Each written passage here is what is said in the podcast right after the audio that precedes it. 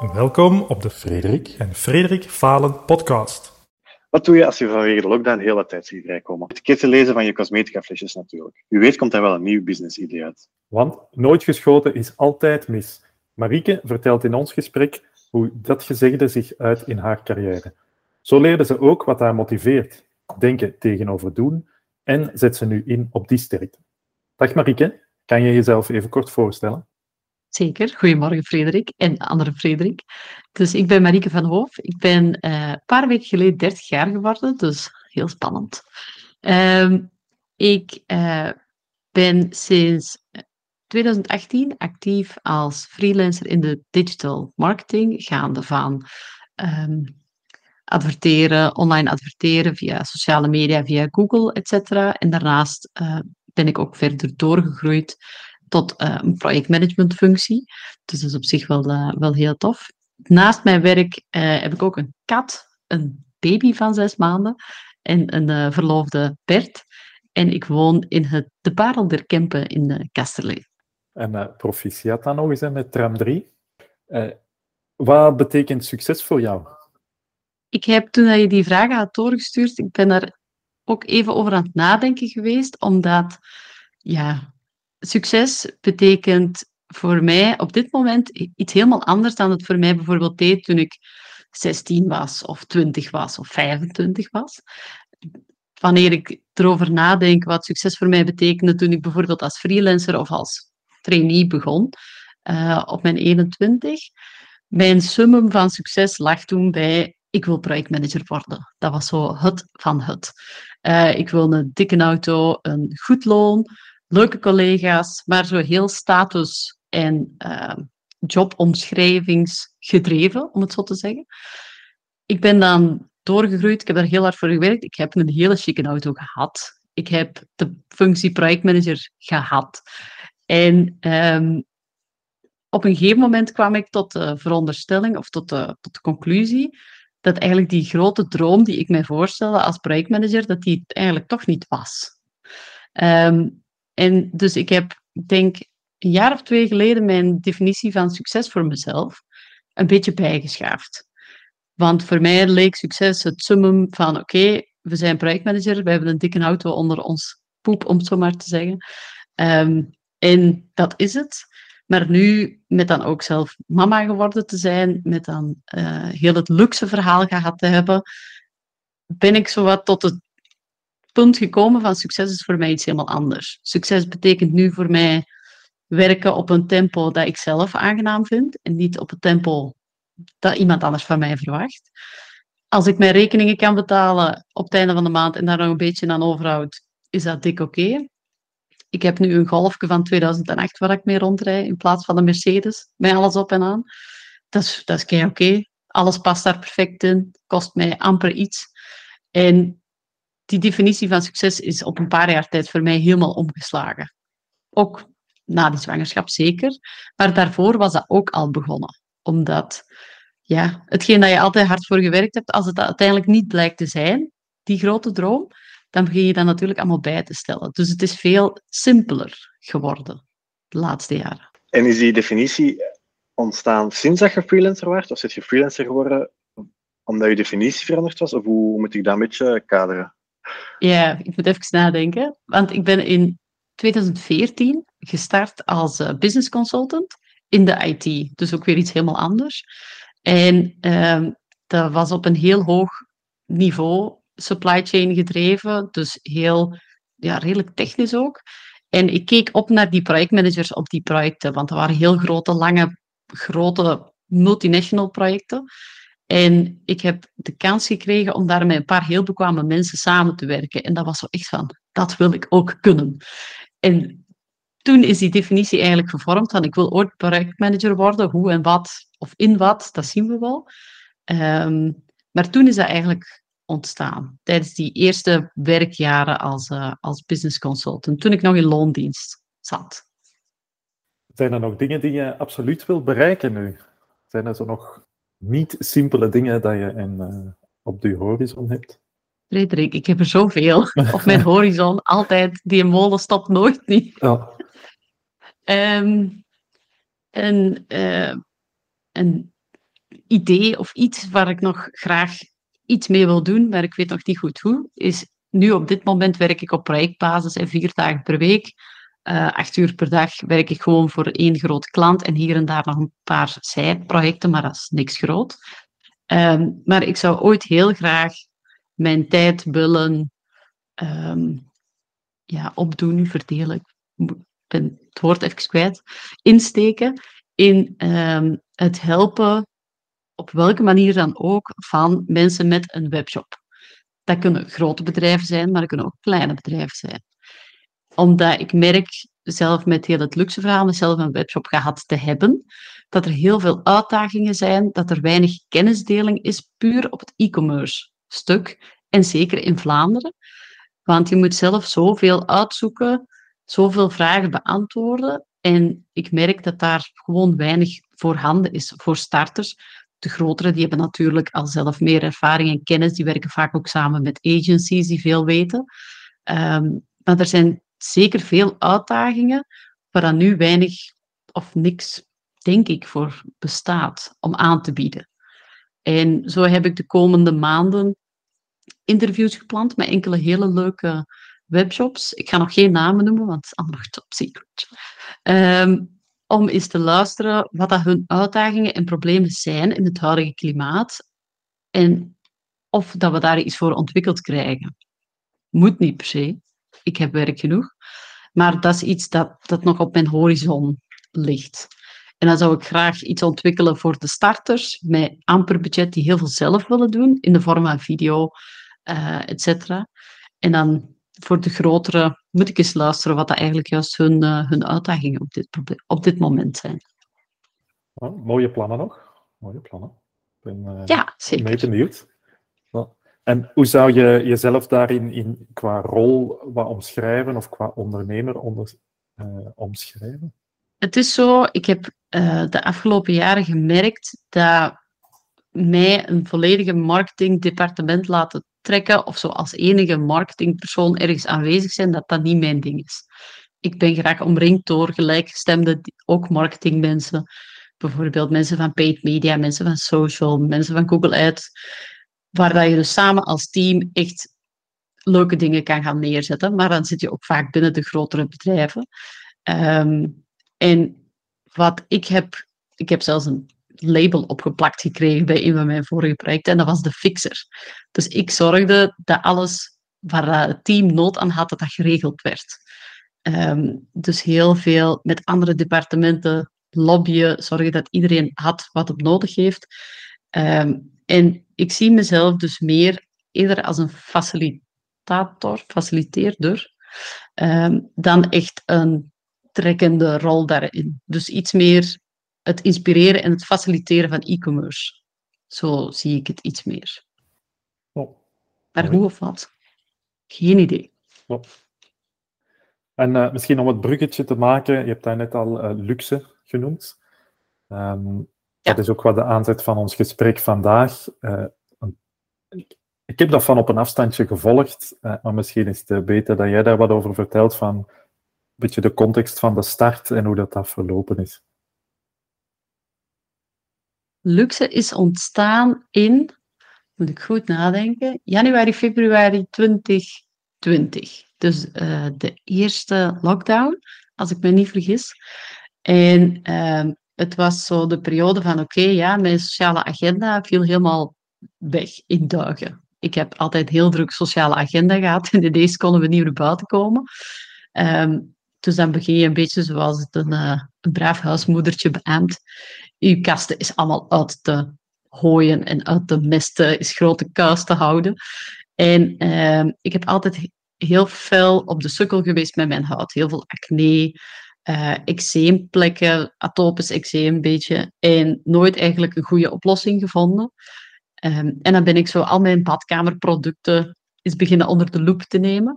En um, zo die ingrediënten is beginnen aflezen. En ik ben die dan als een bijna bezetenen beginnen googelen.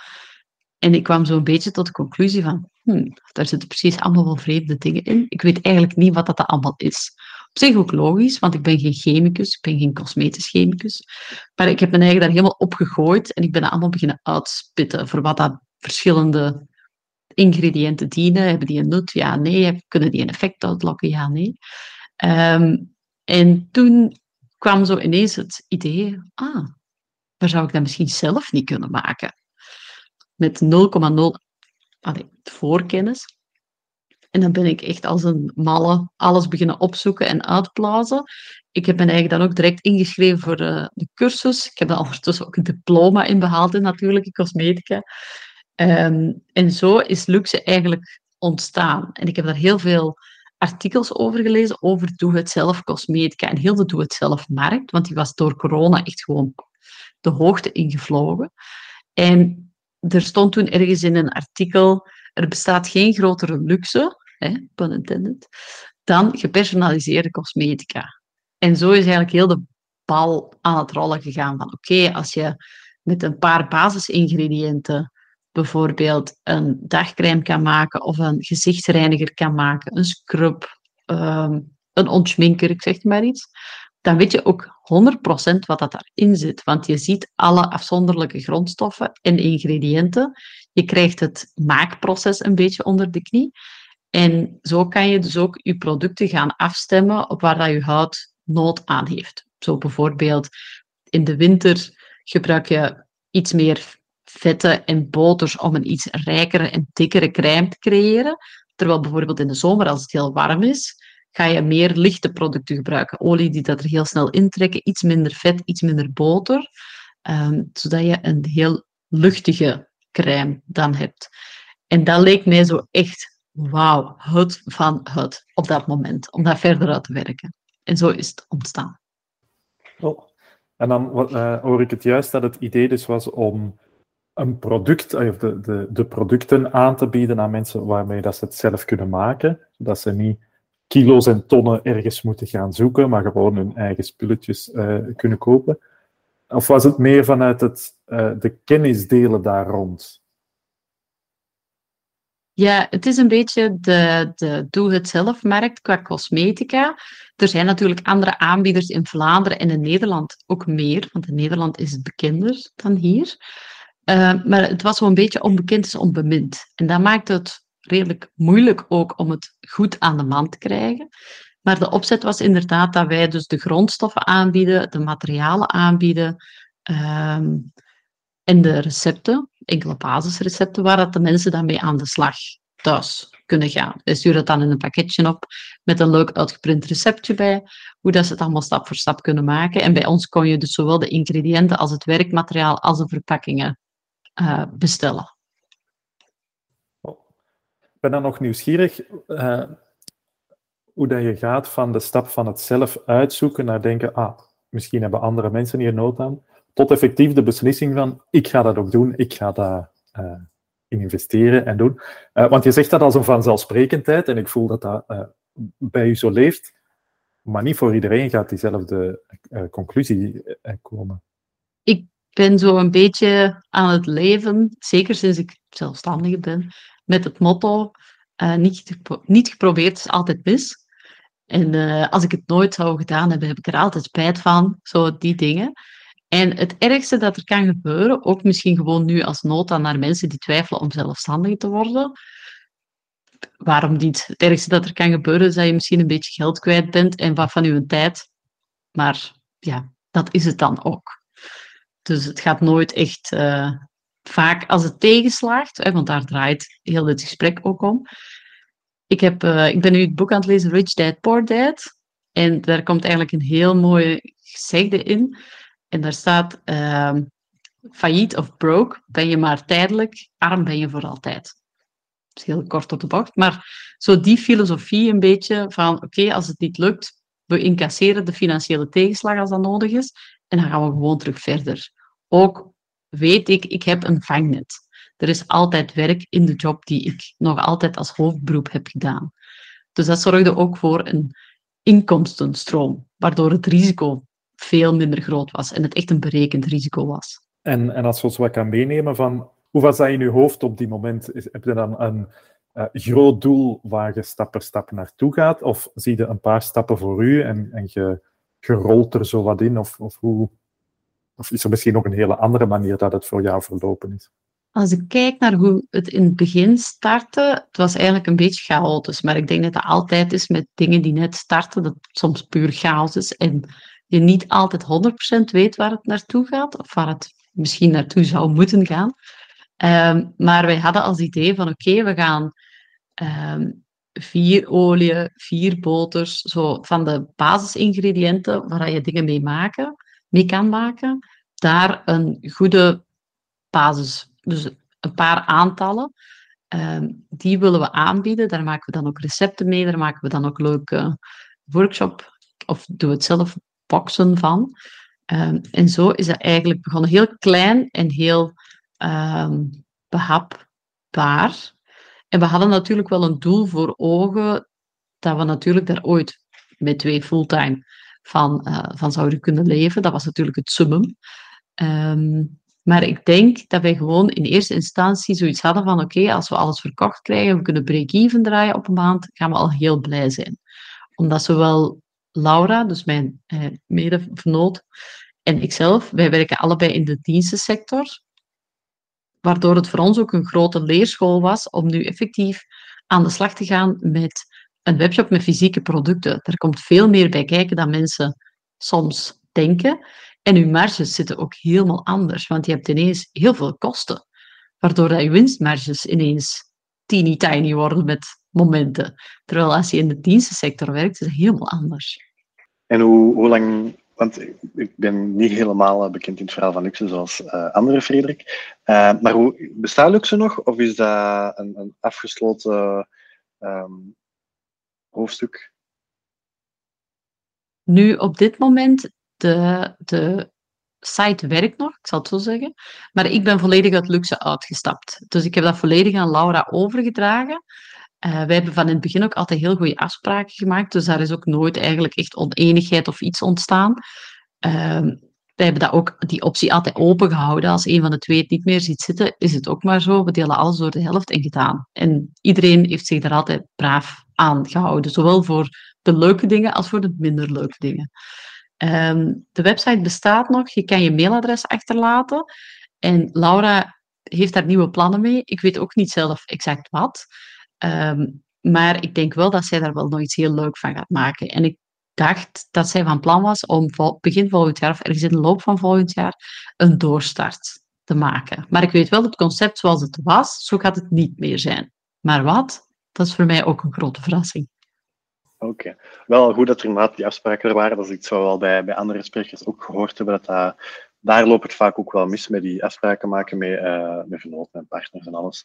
Um, maar ik wil even terugdraaien dan, misschien kijken van waarom um, zit jij er ja, uitgestapt dan? Waarom was het voor u dan toch niet zo leuk of interessant? Uh, maar daar even op, op terug te, te uh, kijken eigenlijk. Misschien een beetje op kijken van wanneer dat voor u zo wat begon te, te minderen, de interesse. Nu, ik zal anders even ook iets meer context geven, want er is natuurlijk heel veel aan vooraf gegaan tegen dat ik op dat punt zat. Um, dus we zijn met Luxe begonnen in oktober 2020. Toen zijn we echt als een pijl gelanceerd. De bestellingen gingen vlotjes. Wij dachten met twee van wauw, dit is echt een gat in de markt. Dit gaat helemaal goed komen. Um, en wij zijn redelijk snel ons assortiment beginnen verbreden. Dus meer olie, meer boters, meer andere type grondstoffen omdat we ook van het gedacht waren, hoe meer we hebben, hoe meer mensen bij ons kunnen kopen en eventueel hoe sneller ze kopen, omdat ze bij ons alles zouden kunnen vinden. Want wij hadden zelf ook wat onderzoek gedaan voordat we gestart waren. En wat we merkten was dat niet de, elke site bijna alles had dat je nodig had. Dus wij waren van de filosofie dat wij eigenlijk een beetje de one-stop shop wilden worden. In het doe-het-zelf cosmetica eigenlijk, als het ware. Um, dus we zijn heel snel aan extra producten beginnen toe te voegen. En dat was op zich geen slechte strategie, maar de, onze klanten waren daar niet klaar voor, of onze toekomstige klanten. Wij waren continu aan het bouwen, terwijl dat we eigenlijk op een iets sneller moment hadden moeten kijken van ja, maar verkoopt dat wel te goed? Komen we overal het kosten wel goed uit? En hebben mensen ook effectief nood aan die extra producten?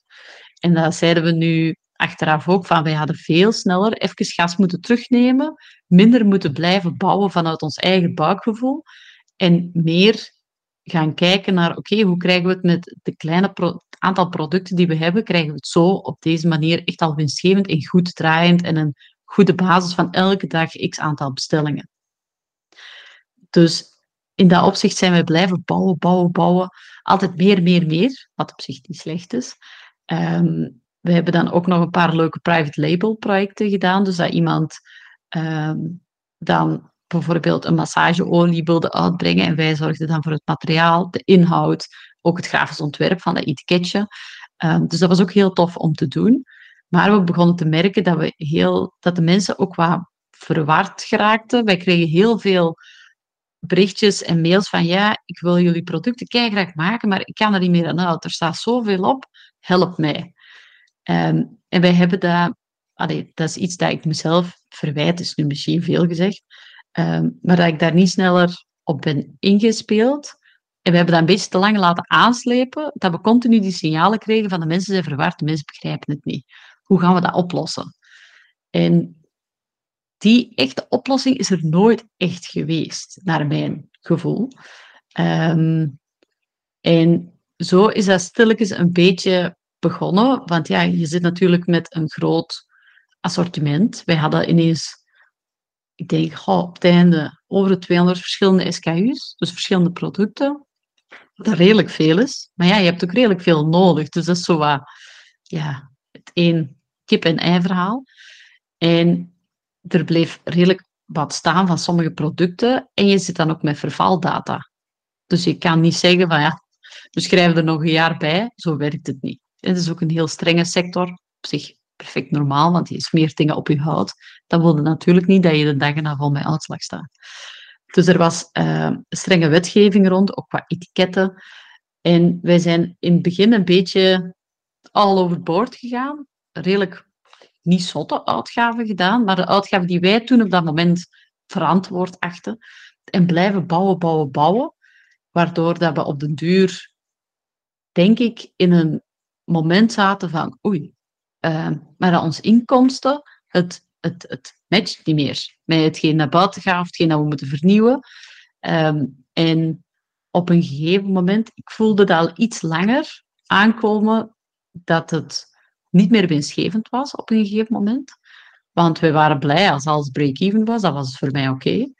Ehm, maar op een gegeven moment, en dat was dan eigenlijk nadat mijn dochter geboren was, dat was zo echt de ja, genadeslag, wil ik nu niet zeggen, maar ik denk dat zij toen een week of drie was.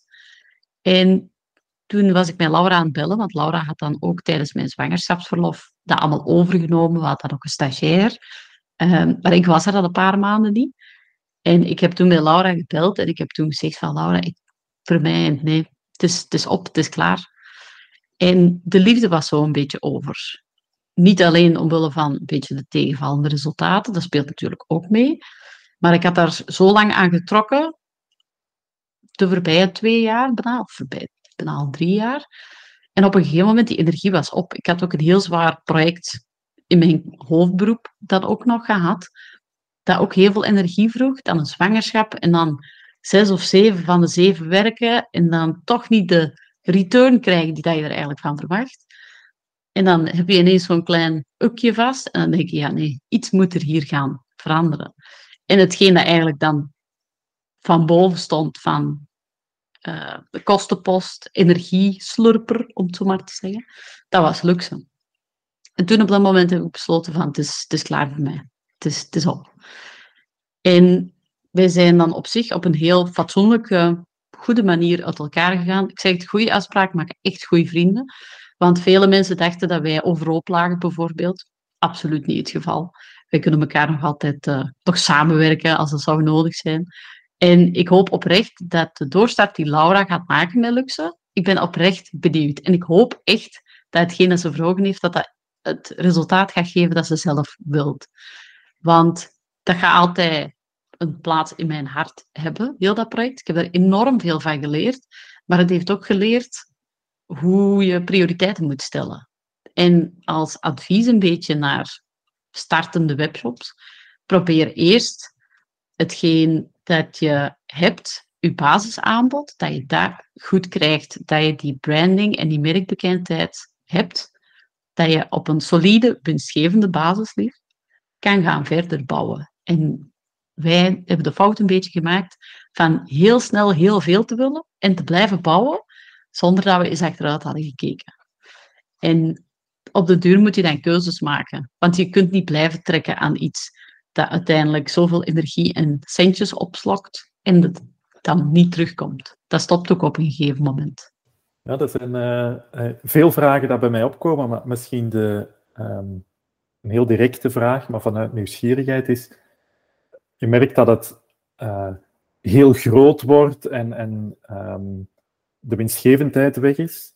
Uh, heb je op dat moment ook gedacht van, uh, ik wil het juist terug kleiner maken, terug naar het basisassortiment, of was het verhaal voor jou echt volledig klaar? Wij hebben die gesprekken zeker gehad, Laura en ik, om terug, dat we zeiden van, ja, maar het is te veel, we moeten gaan.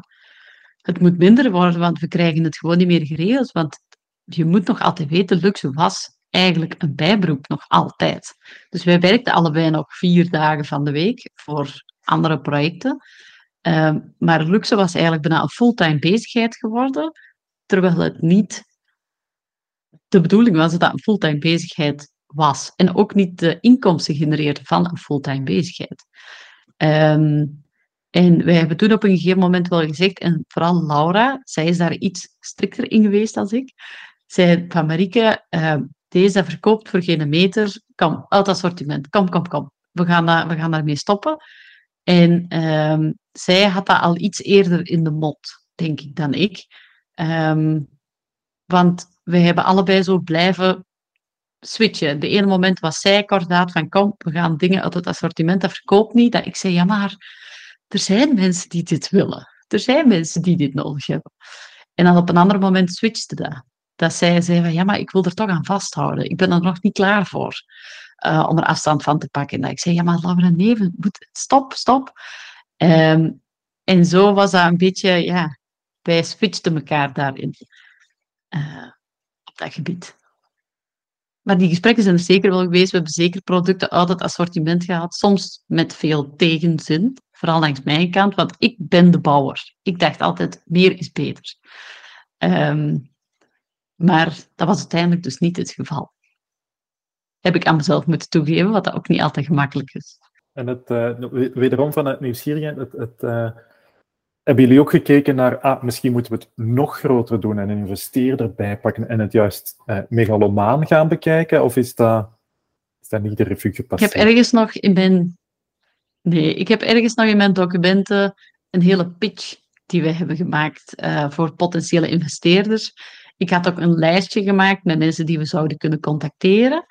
Um, dus op zich, die, um, die incentive of die wil om dat te doen, die was er.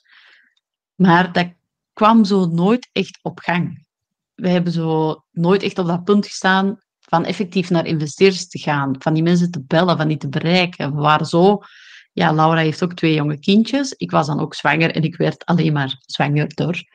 Um, en op een gegeven moment, ja, je energieniveau, ja, dat is soms niet meer wat dat het geweest is dan, voor allebei.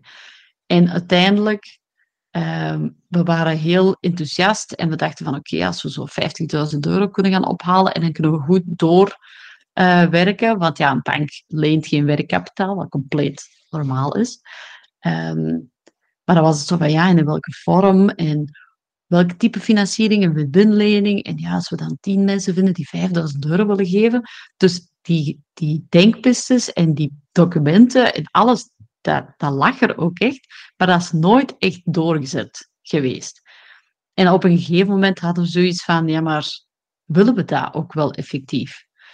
En dat is zo altijd wat blijven ja, hangen. Dat is nooit echt doorgegroeid, die stap. En ook we waren ook realistisch. Laura, twee jonge kindjes. Ik zwanger van mijn eerste kindje. En Laura die zei ook altijd tegen mij, wacht maar totdat je je kindje hebt gekregen.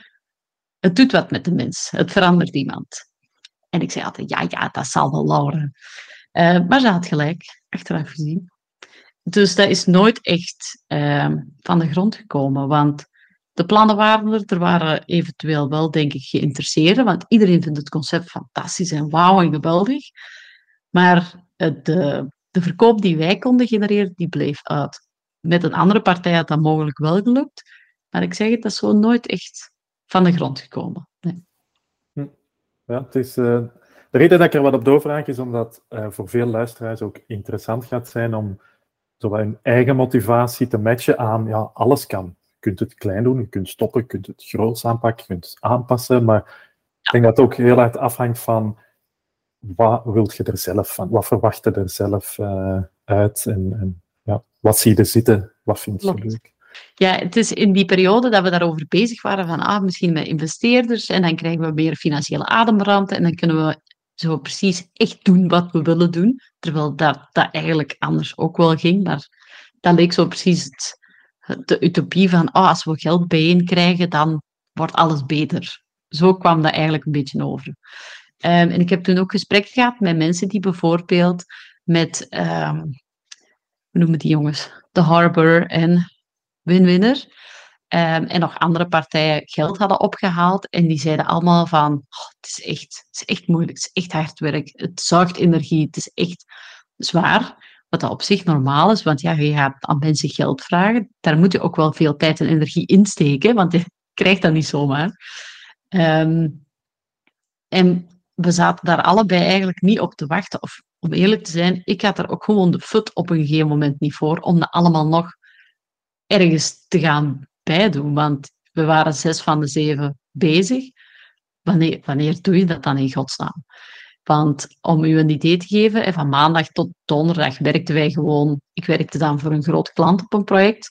Laura had dan haar eigen webprojecten die dat zij deed um, in bijbroek. En vrijdag en zaterdag werkten wij voor Luxe, maar wij hadden ook een fysieke winkel op een gegeven moment. Ja, hoe of wanneer in godsnaam ga je dan met investeerders aan tafel zitten? Je, je kan gewoon fysiek niet weg.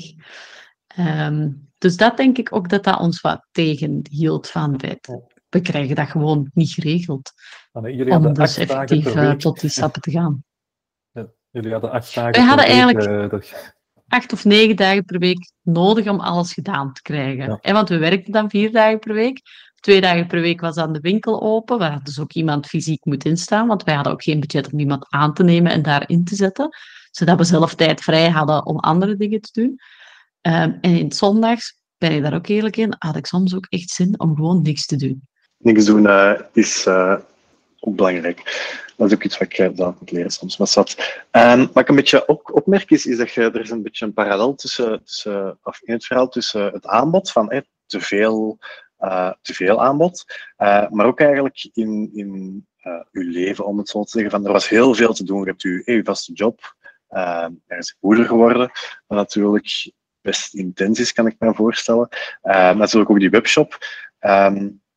Maar is dat zo, was dat op zich, had je zoiets van dat was nodig voor dat te doen, voor heel dat groot aanbod hebben in de winkel en uh, in je leven, om daar eigenlijk een soort van les uit te trekken? Of zeg je achteraf van ja, eigenlijk had ik gewoon sneller nee moeten zeggen of sneller moeten stoppen? Of heb je zoiets van ja, die fouten had ik eigenlijk, daar heb ik wel veel uitgehaald.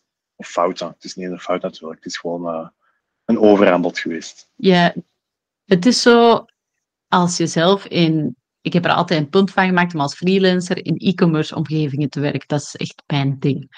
Ik vind heel dat transactionele fantastisch. En dus het was ook altijd mijn eigen droom om een webshop te hebben. Hebben we misschien een beetje impulsief gehandeld? Misschien wel, misschien niet. Uh, misschien een beetje de verkeerde sector. Want cosmetica, achteraf gezien, is een moeilijke sector. Het is een heel persoonlijke sector. Waardoor je dus massa moeilijk gedaan krijgt. Zeker als je met gepersonaliseerde producten zit. Maar ik denk inderdaad dat ook gewoon voor mezelf en misschien voor Laura, maar daar kan ik natuurlijk niet over oordelen.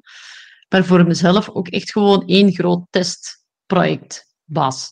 Dat per ongeluk, goed, dat per ongeluk wel werkte en patiënten heeft gekost.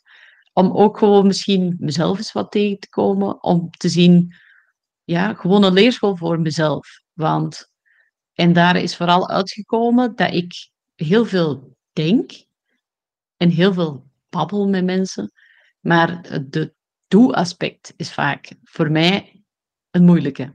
Niet per se in iets uitvoeren, maar echt zo. Ik heb ook echt soms een trap onder mijn reet nodig van Marieke. We zeggen nu al twee weken dat we dat gaan doen. doe dat nu. En op een gegeven moment zit je zelf zo in je eigen hoofd rond te dwalen en oh, we gaan dat doen en dat doen en nieuw en fantastisch. En dat de effectieve uitwerking soms op zich laat wachten. En die wordt altijd wel op de lange baan geschoven. Ja, dat komt wel, we gaan dat wel doen. En daar ben ik ook wel echt wijzer uit geworden, dat ik meer een denker ben dan een doener. Ehm, ik doe mijn werk heel graag. Ik doe ook wel effectief mijn werk. Het is niet dat ik niks doe. Ehm, maar als je er effectief alleen voor staat, dan wordt zo... De game is real dan. Je moet het dan ook echt zelf doen. Je kunt het niet aan iemand anders geven. En op dat vlak is dat voor mij wel verhelderend geweest. Ook heel confronterend. Want je denkt van, ik heb altijd goede plannen en iedereen is altijd blij met mijn plannen. Totdat ze effectief moeten uitgevoerd worden. Dan is dat soms zo'n beetje... Maar misschien is dat ook gewoon mijn eigen perceptie. Want ik krijg altijd heel positieve feedback. Projecten dat ik werk. Altijd heel mooie resultaten. Dus misschien is dat gewoon de druk die ik mezelf opleg, die dat een beetje te moordend geweest is in die periode. Dat kan ook. Ik hoor ook dus, dat je eigenlijk ontdekt hebt dat je een denker bent in plaats van een doener. Um, is dat iets dat je zegt van, heb je nu die balans tussen die twee? Of zeg je van, oké, dat is eigenlijk helemaal perfect in orde dat ik een denker ben en geen doener. Ik kan me daar meer op toespitsen? Of is dat dan een soort ja, balans uitgekomen? Of eerder een, een, een uh, bepaalde kant dat je dan effectief volledig voor bent gegaan, om het zo te zeggen? Als een vraag duidelijk Voor mij, ik heb... Ik ga ze proberen te beantwoorden, anders praat ik er wel rond tot we op het punt komen. um, en wat, zoals, zoals dat je ziet, babbelen is ook geen probleem. Um, maar voor mij, want ik had dan besloten om te stoppen met luxe. Ik, uh, ik had ook gewoon de energie niet meer om daar aan te trekken, om die, om die voortrekker te zijn. En ik heb gemerkt, ook in mijn consultingprojecten, ik ben een voortrekker en een initiatiefnemer tot op een bepaald punt. Als het echt tot de dagelijkse business, de day-to-day taken komt, dan ben je mij meestal kwijt. Dan verlies ik mijn interesse.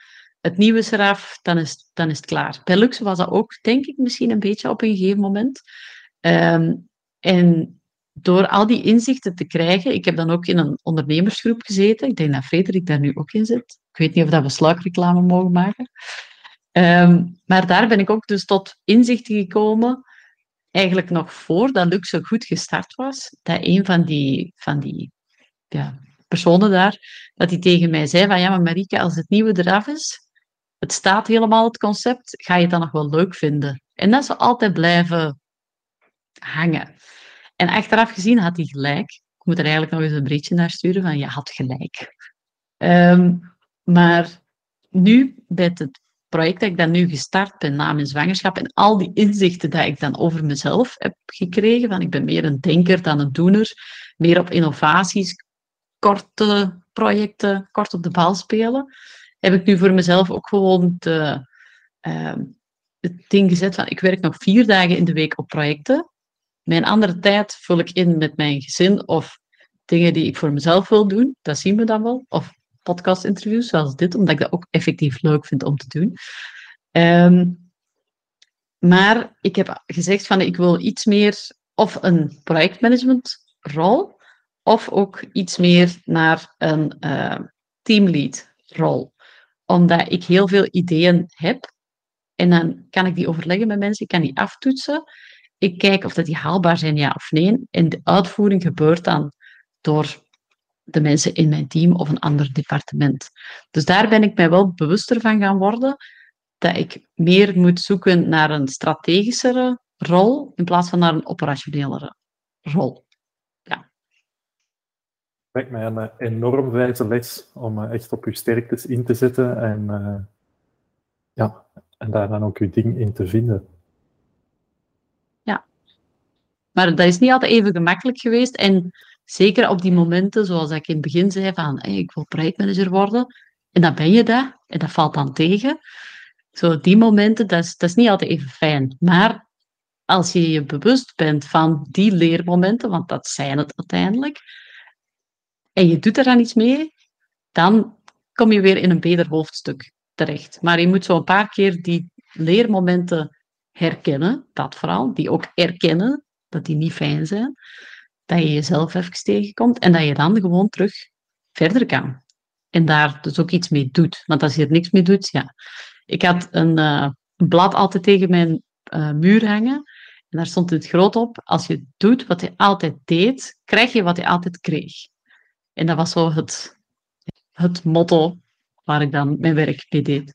En nu nog altijd. Sluit mooi aan bij uh, de, de filosofie of de noodzaak van altijd nieuwe dingen te kunnen doen. Ja. Een mooie versterker. Ja, want het is zo.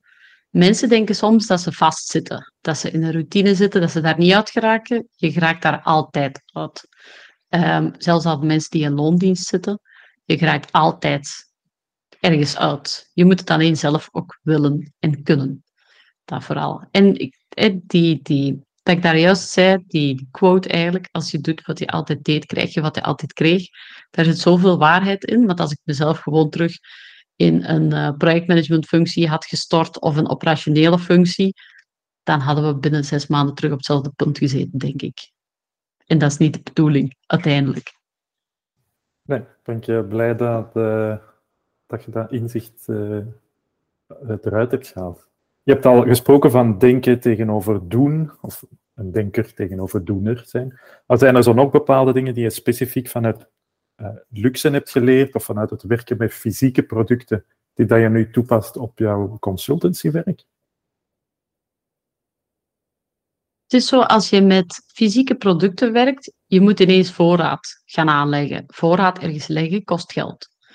Voorraad die gewoon ergens ligt stof te vangen, kost geld. Ook al kost die niet echt effectief geld dat van je rekening gaat, dat is ja, geld dat blijft liggen. Um, dus die denkwijze moest je ook altijd uh, bijhouden. Want ja, hoe meer producten je in stok hebt, hoe meer ruimte je ook nodig hebt. En dat was vaak echt een probleem van waar blijf je daar nu overal mee? En je ziet dat vaak bij startende webshops, die een zolder staat vol, die een living staat vol. Um, in het begin kan dat ook niet anders. Maar als je dan gaat kijken naar, oké, wat zijn de mogelijkheden om ruimte te huren? Dat is gewoon om achterover van te vallen, die prijzen. En daar is zo in België, je hebt dan natuurlijk van die fulfillment centers, dat is al een hele leuke oplossing. Um, zodat je je logistiek zelf niet moet doen, dat jij als eigenaar je kan focussen echt op, uh, op je zaak uitbouwen en op de marketing en op de sales en de customer service. Maar ja, als kleine onderneming met redelijk wat stok iets gaan huren, dat was echt gewoon niet aan de orde met onze, met onze financiën. Dus dat was altijd zo een beetje, ja, zoeken hoe en wat. En we hadden het geluk bij Laura, zij had dan wat plek thuis over, dat we dat konden gebruiken. Maar is iets, ja, daar, daar denkt anders niet aan. Anders is dat gewoon, oh, ik heb mijn laptop mee met een headset en that's it. En nu was dat ineens van, oei, we hebben hier ineens rijen vol uh, producten staan, waar gaan we daarmee blijven? Als ze dan zo'n palet kwamen leveren, van, waar, gaan we dat nog, waar gaan we dat nog laten? Um, dus dat zeker. Puur gewoon het, het, het fysieke aspect en daarnaast ook gewoon uw marges. Want je moet ineens producten aankopen. Dat gaat allemaal van je marges vanaf. Heel je prijszetting is anders dan dat je gewoon op huurbasisprojecten zou werken. Um, dus je moet ook eens denken van oké, wat is een marge die ik wil? Heel de prijsberekening wil ik, um, uh, wil ik mezelf focussen op het lage segment, op het middensegment, op het hoge segment. Welke prijzen ga ik daar aanhangen? Ga ik altijd net onder mijn conculega's of net erboven? En ik heb ook geleerd, als het puur over prijszetting gaat, ik denk dat je er ook twee uur over vol kan babbelen, um, is dat je iets minder, je moet wel naar je markt kijken sowieso, want je moet jezelf niet uit de markt concurreren, maar je moet vooral vertrekken van je eigen kostprijzen. En zo merkten wij op een gegeven moment dat onze prijzen gewoon veel te laag waren. Dat wij niet aan de marge kwamen die wij dachten waar we aankwamen, gewoon door een rekenfout. En omdat we iets te hard naar de collega's hadden gekeken. En vanaf het moment dat we eigenlijk, we hebben toen op een avond gezegd van, waren wij aan het slapen toen dat we die prijzen hadden online gezet, hebben wij gewoon, ik denk bijna drie vierde van ons assortiment prijzen aangepast. En ineens bleef onze rekening zo niet meer hangen, maar ging die naar boven. Dat was echt heel vreemd. En zo zie je soms dat, heel, kleine ingrepen een heel grote impact kunnen hebben. Ik ga direct uh, naar de laatste twee vragen maar ik ga ze andersom stellen dan anders. Ik ga eerst beginnen met eigenlijk welke drie lessen, omdat we in die, die flow zitten van die, van die lessen eigenlijk, welke drie lessen dat jij eigenlijk echt geleerd hebt uit wat er gezegd is geweest tijdens de aflevering ook. Uh, dus misschien niet zo concreet inderdaad zoals die, die stok en die prijzen, maar meer uh, naar u persoonlijk bijvoorbeeld. Dat kan natuurlijk ook wel effectief naar, naar stok en zo zijn, praktische uh, tips. Maar wat zijn voor u de, drie main takeaways van ehm, het hele verhaal? Zorg eerst dat je een marktonderzoek doet, dat er effectief interesse is voordat je ook nog maar één product effectief hebt aangekocht. Dat kan bijvoorbeeld zijn, uh, bijvoorbeeld iemand met kleding, die dat bijvoorbeeld bij familie en vrienden als gaat polsen van, oh, als ik nu eens wat kleren zou kopen, hebben jullie interesse dat ik eens langskom voor zo, zoals dat je met Tupperware hebt, bijvoorbeeld, zo van die avonden. Uh, om al te kijken of dat er gewoon überhaupt interesse in is, zonder dat je eigenlijk ook nog maar 1 euro hebt uitgegeven. Um, dat is sowieso, dat kan ook gewoon met een enquête zijn, met een Google Form of uh, een Google Doc, dat je gewoon via LinkedIn en sociale media en via collega's en familie uh, gaat zoeken naar mensen die mogelijk geïnteresseerd kunnen zijn en ga die gewoon goede vragen stellen. Want soms kan ook gewoon de conclusie zijn van ja, er is niemand in geïnteresseerd. Ja, dan stopt het al. Dus dat sowieso, marktonderzoek doen en je doelgroep heel goed bepalen. Um, daarnaast, als je dan stok hebt of je hebt dan een concept staan, um, zorg dat je eerst hetgeen dat je hebt winstgevend krijgt en die basis goed krijgt, zonder heel veel advertentiebudget bijvoorbeeld eraan te spenderen. Dus dat je via organische kanalen mond-aan-mond reclame, maar ook SEO, video, TikTok, sociale media, die kanalen, dat je daar echt gewoon je goede basis hebt en dat die al inkomsten genereren, standaard elke dag. Al is het maar één bestelling. Um, want daar moet je op verder bouwen. En als derde, als je, als je interne tegenstand voelt, spreek dat dan ook uit. Probeer uit je eigen hoofd te komen. Bespreek dat met familie, vrienden, iemand die dan misschien ook een eigen zaak heeft die dat je kent. Van, oh, zeg, het zit scheef, ik, ik weet het niet. Uh, spreek daarover. Uh, leg daar geen schroom over bij dat slecht gevoel. Bespreek dat gewoon, maak dat openbaar. Je moet dat natuurlijk niet op sociale media gaan flikkeren van hey, uh, mijn cijfers vallen tegen. Maar ga daar met iemand in gesprek. Uh, houd dat niet voor je eigen als het niet goed gaat. Probeer dan met iemand over te praten en die hebben vaak ideeën. Ja, intern bedoelt je in uzelf of bedoel je gewoon bijvoorbeeld in dit geval met uw genoot intern in het bedrijf of bedoel je intern in uw, in uw hoofd?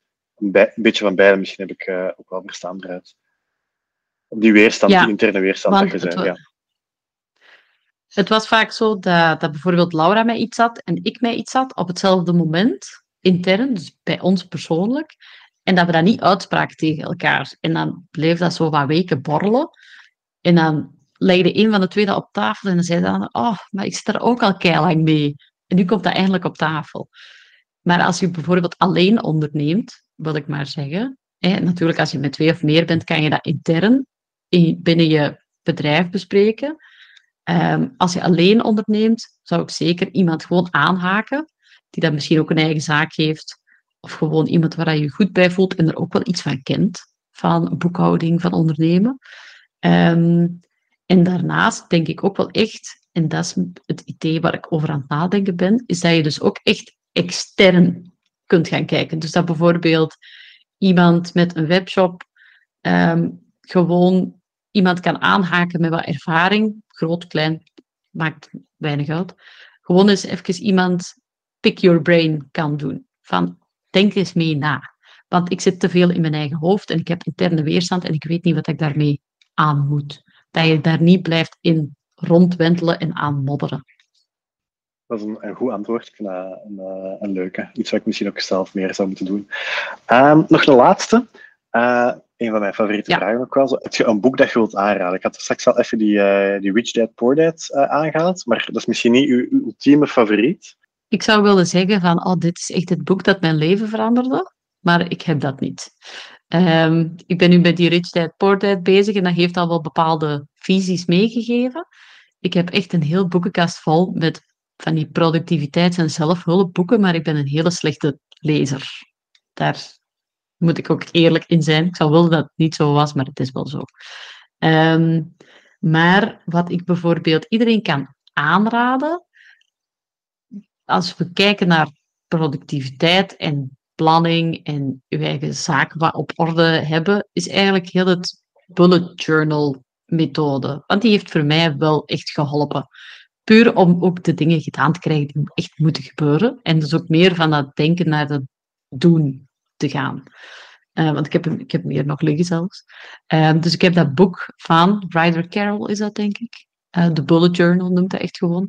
Um, die wel. Die kan ik ook iedereen aanraden die moeite heeft met planning, met to-do's gedaan krijgen, met zo'n nest van papiertjes overal. Uh, het is wel herkenbaar, denk ik. Of tien Google Keep nota's. Uh, die kan ik zeker iedereen aanraden. En daarnaast lees ik eigenlijk alleen maar politietrillers. Dus dat heeft niet echt uh, iets met ondernemen te maken. Uh, misschien nog als aller, aller, allerlaatste, waar kunnen mensen u vinden als u willen contacteren in verband met ja, gewoon uw, uw dagdagelijkse voor projecten? Of eventueel voor luxe, als ze nog vragen hebben of zo, waar kunnen ze u het beste contacteren?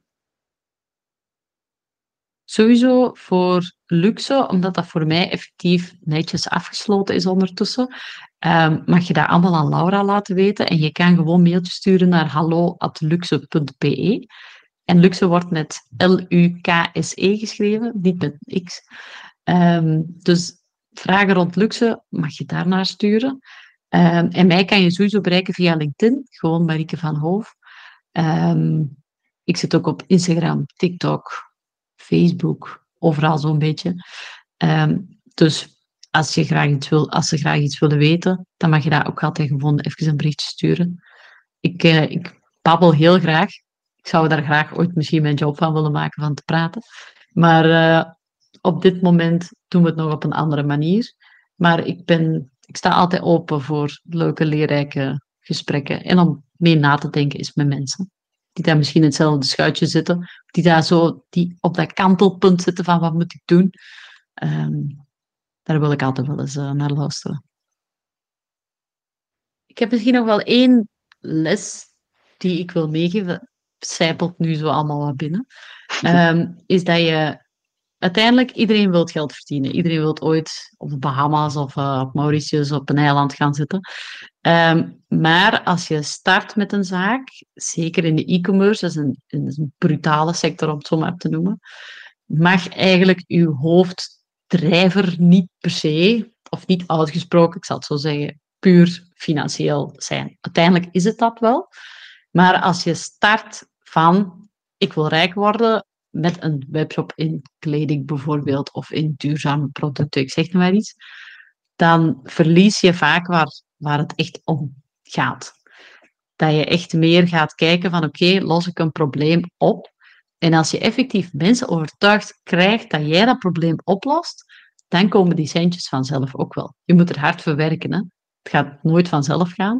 Maar dat je vanuit de juiste motivatie vertrekt. Dat je effectief een probleem oplost. En dan ben ik er ook van overtuigd, als je dat aandacht geeft, dat dat groeit en dat daar centjes uit verder komen. Voilà, hartelijk bedankt voor deze, deze gesprek en dan uh, horen we elkaar nog wel eens. Vond je dit een boeiend gesprek? Abonneer je dan voor alle volgende afleveringen en volg ons op LinkedIn of Instagram voor alle updates. Heb je zelf een verhaal over falen dat je wil vertellen?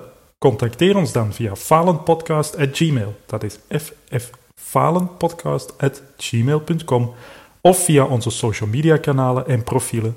Tot in het volgende gesprek.